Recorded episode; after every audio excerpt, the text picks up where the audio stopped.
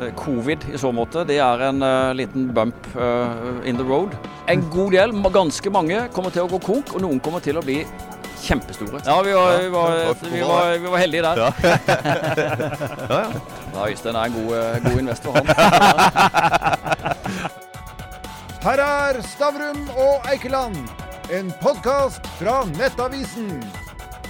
Velkommen, Kristian Jomås. Du er jo sjef eh, hos Pareto Securities. og Det er jo få som kan så mye om oljeindustrien som Pareto. Mm. Og da lurer jeg på, Har Norge råd til å kutte oljeproduksjonen i løpet av 15 år? Ja, det, det, spørsmålet må jeg bruke litt tid til å svare på. Forstår det, altså. Men, men eh, det, det, er klart at det er jo et, eh, det er jo touchy tema. Eh, og vi har snakket med, med, med mange her om det. Ja, så, ja. altså vi, eh, vi, har jo brukt konferansen nå på å prøve å få frem at eh, Norge er i uh, førersetet i forhold til det grønne skiftet. Det bygger vi på 200 års shippingerfaring, 100 års erfaring med uh, vannkraft, 50 års erfaring med krevende olje- og offshoreprosjekter. Uh, nå skal vi benytte det uh, og kunnskapen og erfaringen inn i det grønne skiftet. Mm. og der, vi liksom, der, ligger vi i front. Ja. og samtidig så ser en jo at oljeetterspørselen i verden er jo på nær all time high. Altså, Vi har tatt oss inn igjen etter, etter covid. Vi er nå på nesten 100 millioner fat i oljeetterspørsel uh, hver, uh, per dag. Og Det betyr at, uh, at du må balansere det. Alle er enige om at du skal fase ut olje over tid og erstatte det med fornybare kilder. Men, men du løser ikke det skiftet ved å ensidig bygge ned tilbudssiden. Det er på mm. etterspørselssiden du ser det. Ja. Men dette, Nå er vi altså på Pareto-konferansen på Fornebu. og det, det, er jo Norges mest kjente og en ti, mange, flere tiår gammel hovedsakelig offshore- og oljekonferanse i gamle dager. Ja, ja. Men, men, nå opplever jeg et, et, ekstremt skifte i hva investorene er, er, opptatt av. Er du enig i det? Ja, du kan jo se på deltakerlisten her. Ja. Vi har 160 selskaper som uh, presenterer. Av de så er ca. 50% på en eller annen måte knytta til det grønne skiftet. Ja. Og Du skal ikke gå mange år tilbake i tid før eh, det var egentlig utelukkende eh, fossile selskaper. Mm. Ja. Altså at, ja, men at Pareto er tilpasningsdyktig, det er ikke sjokkerende. Det, der er de flinke.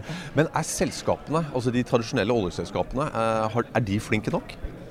Nei, altså Du ser jo på selskapene. De, de ja. selskapene vi her, de er i stand til å, å snu seg rundt raskt. Men det er jo også i stor grad drevet av at investorene pusher på. Altså der er jo Kapitalmarkedene er supersterke. Likviditeten i markedet er sterk. Og uh, som jeg viste, interessen for grønne selskaper er jo også sterk. Til tross for at du har sett den på en måte, du har fått en litt sånn derre Vi er nok litt gjennom uh, den euforiske gründerfasen da, i det grønne skiftet. Uh, og som Det som har vært tema på konferansen i dag, det er at nå går vi mer over i en sånn industrialiseringsfase.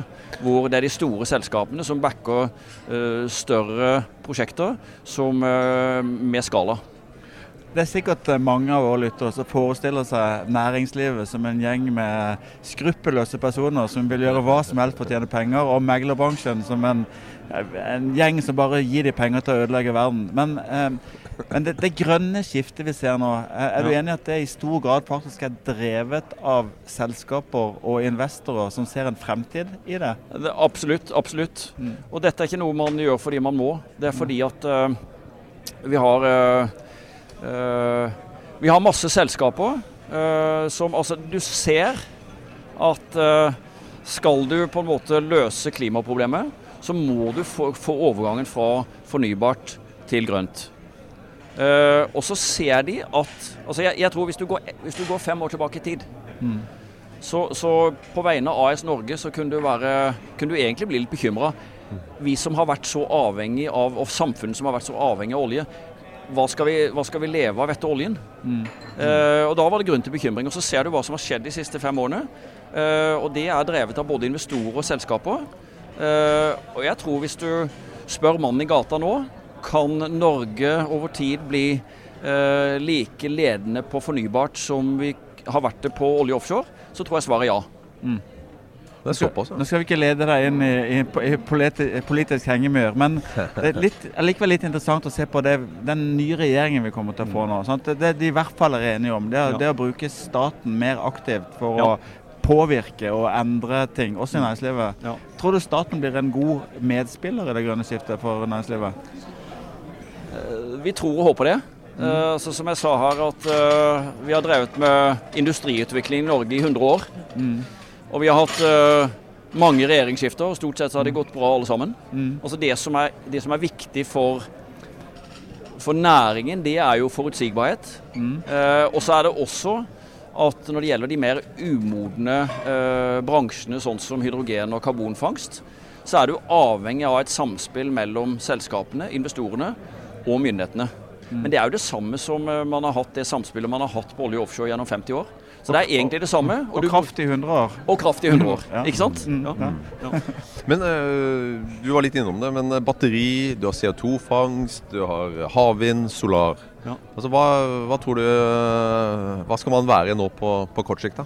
Altså, igjen, jeg, jeg, jeg sa det, det, det snakker om at uh, du må bygge ned uh, hva skal du si for noe, uh, tilbudssiden.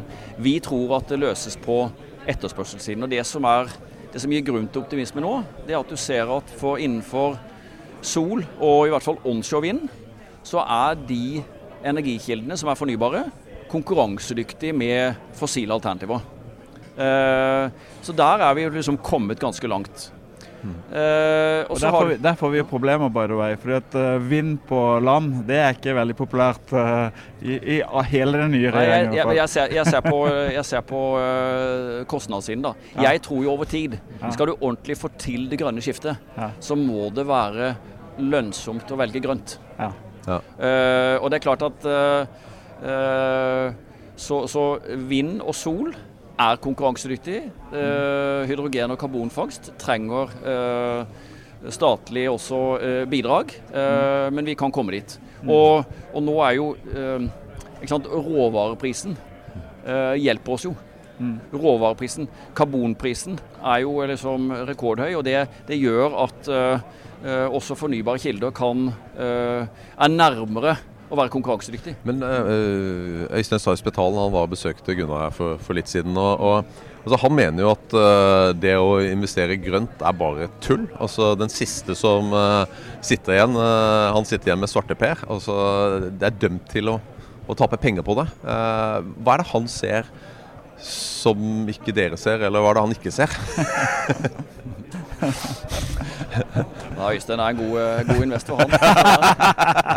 Ja, det er jo det. Men um, altså, han sammenligner bl.a. at altså, hvis du fjerner gassen på, på Trollfeltet, var det vel, så måtte du ha 12 000 vindmøller til havs, var det ikke noe sånt? Jeg tror det var det han sa. ikke sant? Så Det er jo sånne ekstreme tall. da. Så han bare, men, uh, men du mener, eller dere mener at uh, det er liv laga? Ja, altså det, det, er jo, det er jo litt forskjellige ting. da. Altså det, altså Fornybart er ikke fornybart, og grønt er ikke grønt. Og Det er jo klart at eh, det er en del veldig tidlig fase teknologiselskaper med umodne eh, forretningsmodeller. Og det er klart at en del av de, som i alle andre segmenter, vil få trøbbel. Eh, men det er derfor vi tror at eh, og når, Hvis vi nå ser på hvis vi ser på utviklinga av aksjekursen da, til store eh, grønne selskaper, sånn som Ørsted og andre, siden før covid, så har kapitalmarkedet vært supersterkt. Eh, gått nesten 40 uh, SMP 500. Mens de store, store grønne selskapene har uh, outperforma. Så jeg tror at eh, eh, han, han kan ha rett i at en del av de uh, tidlig fase selskapene, uh, de umodne selskapene, eh, har sannsynligvis få, vil få problemer, og en del av de vil sannsynligvis forsvinne. Mange av de vil sannsynligvis forsvinne. Ja, for Er det ikke akkurat det du ser i, i, i situasjonen som dette, at, at, vi, at alle ser at det kommer et stort grønt skifte? Ja. Og det er konkurrerende teknologier, konkurrerende selskaper. Det vi også kan regne med fra, med historisk lærdom, er at ikke alle kommer til å lykkes. Nei. Og noen kommer til å mislykkes veldig. En god del, ganske mange, kommer til å gå konk, og noen kommer til å bli kjempestore.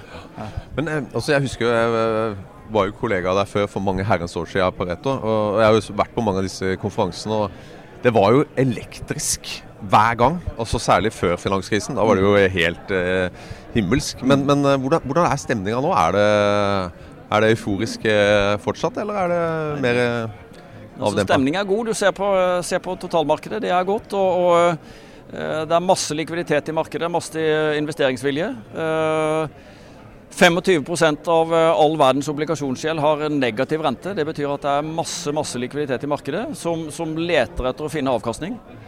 Så det, det er jo vår oppgave å føre- prøve å finne disse casene som du kan eh, få avkastning på. Da. Så, Er ikke det egentlig utrolig eh, skremmende? Altså det, det er veldig mye penger som leter etter fortjenester fortjeneste som ikke fins. Og det priser opp verdiene voldsomt. Jo, der er, der er for mye kapital som frem, fremdeles leter etter for få store case, og gode cases. Ja. Så da må, vi, da må vi prøve å finne de store, gode casene som uh, faktisk har livets rett. Og For å oversette det til folk flest, da, så har vi, vi sparer til vår alderdom. eh, Og vi håper at det vi sparer faktisk skal være der når vi blir gamle. Ja. Men det er litt avhengig av at sånne som deg faktisk finner de selskapene som kommer til å gjøre det bra på et litt lengre perspektiv. Ja, men det, det er derfor vi også har eh, liksom et av fokuset i, i, på konferansen i dag. Det er jo at vi, vi tror nå, er, nå går vi inn i industrialiseringsfasen. Nå, nå, nå er det de store lokomotivene. Det var derfor vi var opptatt av å høre på hva, hva, hva Hydro sier, hva Yara sier, hva, hva Aker sier i, for, i forbindelse med det grønne skiftet. men, men det du sa i sted, det var jo det lave rentenivået er bidrar jo til at uh, aksjemarkedene egentlig i hele vestlige verden uh, Mm. gjør det jo bra. Ja. Men altså, hvor, lenge kan dette fortsette? Altså, ja, altså, Det må jo snart gå tom for kapital etter hvert. Uh, og da sprekker den trykke Jo, jo, men, men likevel, da. Likevel, da. nok. Ja, ja, jo, men allikevel, litt til slutt så, så blir du tatt igjen. Altså, det er jo litt sånn eh, er, Gjør du ikke det, eller er, eller er jeg bare pessimist nå? Jo, samtidig så er det altså Hvis du ser på eh, en annen ting, da. Vi hadde liksom, hvis du ser på total energietterspørsel, så fortsetter den å vokse. Eh, Jeg viste et par slides i starten her hvor, hvor du ser at, at verdens energietterspørsel den øker. Eh, Covid i så måte, det er en uh, liten bump uh, in the road. Og på tross for det grønne skiftet, så er som jeg sa, så er verdens oljeetterspørsel er på all time high. Så det er ganske mye, altså den finansieringen som skal til for å få til det grønne skiftet, det er jo det er, det er mye kapital også som kreves. Så etter å ha snakka med en del folk her ute, så må jeg si at jeg sitter med litt sånn blanda følelser. Fordi at jeg, jeg blir jo imponert av å se alle investorene som faktisk driver med grønn omstilling. Også selskapene som driver og produserer ting vi virkelig Ja, trenger. ja. Samtidig så får vi gode analyser som sier at verden kommer til å trenge masse olje i mange år framover. Mm. Så jeg ser ikke liksom at vi kommer til å nå klimamålene med det, det bildet som tegnes her likevel. da. Nei, og det er derfor du trenger uh, industriselskapene som kommer med skalaprosjektene, sånn at du kan få fortgang. For at foreløpig så går ikke det grønne skiftet fort nok til å nå klimamålene. Så det er, derfor, det er derfor du trenger Nå trenger du ikke småselskapene, nå trenger du de eh, store industriselskapene med industrimuskler. Ja. Ja. Føles det litt godt å være en del av løsningen i dag, eh, mens det kanskje var en del av problemet for ti år siden med olje- og gasskonferanser? Nei, men altså, vi, for å være litt ærlig, eh, vi har jo fått spørsmålet både liksom AS Norge som har vært så oljeavhengig, kan du ha troverdighet i det grønne skiftet? Og noen har jo også stilt spørsmål kan, kan Pareto også ha, ha eh, troverdighet i det grønne skiftet. Og jeg mener jo, fordi at vi har den erfaringen vi har, nettopp derfor. Nå, har vi, nå har vi drevet med fornybart og hatt et fornybarteam eh, i 25 år ledet av Lars Ove Skorpen. Eh, men eh, jeg tror nettopp fordi at vi har den erfaringen, så kan vi ha troverdighet i, uh, i det grønne skiftet. Ja, ja. Nå var det det skifta fra, fra på en måte velmenighet til, til grådighet. Når ble, nå ble det grønne skiftet interessant? Nå ble det penger. Nei, det er jo først og fremst eh, de siste 18-24 månedene at det har vært virkelig drive på det. Og da har det, da har det virkelig skjedd. Det var, det var en første fase hvor det var en del sånn grønne fond som poppet opp og, og, og begynte å investere kun grønt. Ja. Men nå er de store, de største investorene i verden som, eh, som stiller krav om at det skal være også bærekraftig. Ja, det- han sikter jo til Jens Ultvedt Moe uh, her. Kan, kan jeg, jeg, jeg bare stille et spørsmål til? ja, eh, altså, det er jo et stort uh, meglerforetak. Eh, hvordan, hvordan påvirker dette hverdagen deres? Jeg tenker på morgenmøter, eh, vurdering av hva dere skal analysere. I hvor stor grad spiller det også inn i hverdagen din? Ja, Det er jo i stor grad. Vi lever av å være der, eh, der markedet er. Og vi lever av å koble investorer med investeringsvilje og selskaper med finansieringsbehov. Så, så i stor grad. Så det er klart at vi har jo det det fornybarteamet vårt det har blitt mye større. Mm. Og, eh, men vi har eh, opprettholdt. Vi har et, eh, vi har et olje- og gassteam fremdeles. De, Du de- rir begge hestene. Så det er, det er jo litt sånn, vi prøver litt, det er litt sånn ja takk, begge deler. Og, og vi skal over tid bygge ned det fossile, og vi skal bygge opp det fornybare. Og da har vi tenkt å være med i den, eh, Altså- den overgangen. da. Så Du må ikke glemme at Pareto de henter, eller Pareto Securities henter penger. Så uansett om aksjene går opp eller ned, så tjener de penger. De bare tjener mer penger når det går opp. For da er det lettere å hente penger. Det er lett å hente penger neste gang. hvis Ja, det går opp, da. exactly, Ja. exactly. Men, men eh, mange sier jo at eh, norske eh, selskaper eh, er relativt langt fremme når det gjelder eh, det grønne skiftet. Ja. Eh, og da lurer jeg på, er det noe man må gjøre for å klare å opprettholde det momentumet? eh, så ikke vi plutselig eh, kommer på andre og så tredje, og så plutselig er vi bakerst i bussen? Nei, altså jeg tror jeg refererte til eh, Jeg fikk spørsmål fra GE en gang. Som var, en gang så var det verdens mest verdifulle selskap. General Electric. Ja. Og de spurte, de spurte meg om Kristian, hvorfor er det sånn at det er så mange interessante eh, selskaper og teknologier som spinner ut av det, av det norske nordiske energiclusteret? Og jeg tror Hvis du knytter det til det grønne skiftet, så tror jeg det har med at vi har, sant, vi har hatt råd til å, å ha strenge miljøkrav eh, lenge. Vi har hatt myndigheter som også har vært opptatt av det, så de har på en måte supporta det. Og så tror jeg, jeg tror jo også sånn helt jeg tror liksom samfunnsmodellen hvor, vi, hvor eh, ingeniørene har fått lov til å tenke litt fritt i, eh, i forhold til på en måte mer eh, hierarkiske systemer ute, det er også en konkurransefordel. Så, så vi har hatt råd til eh, å være miljøbevisste. Nå utvikler vi liksom, Så vi har utviklet gode teknologier. Og det er jo ikke bare for at vi skal liksom redusere våre egne utslipp. Eh, Muligheten ligger jo i at det vi har utviklet eh, av teknologi og løsninger, det kan vi liksom eksportere. Hva sier de utenlandske investorene om, eh, om det, det norske miljøet for fornybar? Er de, er de imponert, eller eh, hva sier de? De Nei, jeg tror du har, jeg tror du har en naturlig kredibilitet, troverdighet, ved at du nettopp har hatt strengere miljøkrav, har, har levd med dette lenger enn det resten av verden har. Jeg må bare stille spørsmålet. Er det noen eh, av de store investorene som tradisjonelt var gode kunder av Pareto, eh, som nå ikke vil ha olje og oljerelaterte aksjer? Altså er de vært sånn OK, it's not for us? Er det Eh, gått så langt? Absolutt. Ja. Og det er helt klart eh, det, Så det påvirker jo eh, ikke sant? Det er, er eh, folk som ikke kan investere i, uh, i oljeselskaper i mandatet sitt. Eh, det betyr jo at antall mulige investorer en del, i en del oljeselskaper den er mindre, og det påvirker prisingen. Og det, så du ser jo nå at Vi hadde et eksempel her. Exxon prises til eh, 13 ganger inntjeningen.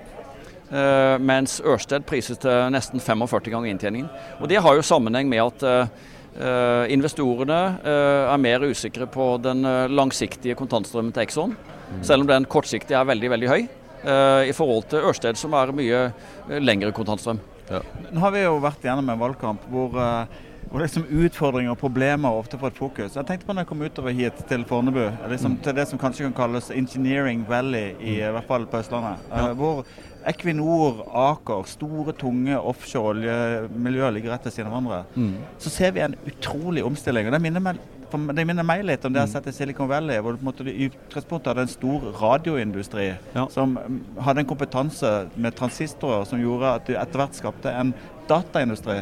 Ja. Tror du vi kan oppleve noe av det samme i Norge? Ja, jeg tror det. Altså Et av selskapene som har vært der ute, er jo Aker. Og Hvis du ser på, ser på den eh, omstillingen som Aker har vært gjennom de siste tolv månedene, det er jo eh, relativt imponerende, må jeg si. At De hadde jo kickoff på forrige, forrige konferanse i fjor med Røkke og Eriksen. Ja, vi var, vi var, vi var, vi var heldige der. Ja. Kristian, en hemmelighet. Ja. Du, På et tidspunkt gjorde du den tabben at du ansatte Ole her. Det er, det er riktignok mange år siden. Så jeg fikk eh, en lærer bare med å stille Ole et spørsmål, nemlig hva er Pareto-optimalitet?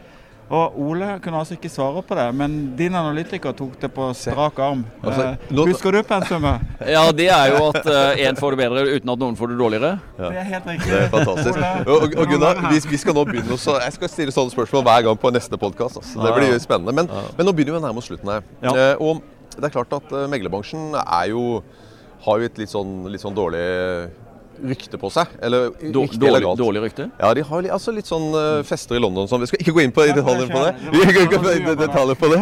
Men, men, men eh, Og etter Exit så har det jo også blitt enda ikke sant? Altså Ikke bare meglerbransjen, men sånn. Men, men er det virkelig så mye sex, drugs og rock'n'roll som, uh, som ryktet sier? Nei, jeg tror det er veldig, veldig få som kjenner seg igjen i, uh, i Ja. de seriene der. Ja, det er ikke det så ikke ja, nei, så det bare det, det faller på sin egen urimelighet. Ja. Folk som har jobbet i meglerbransjen vet at så, sånn er det ikke. Det neste vi skal høre, er at jeg jobber hardt.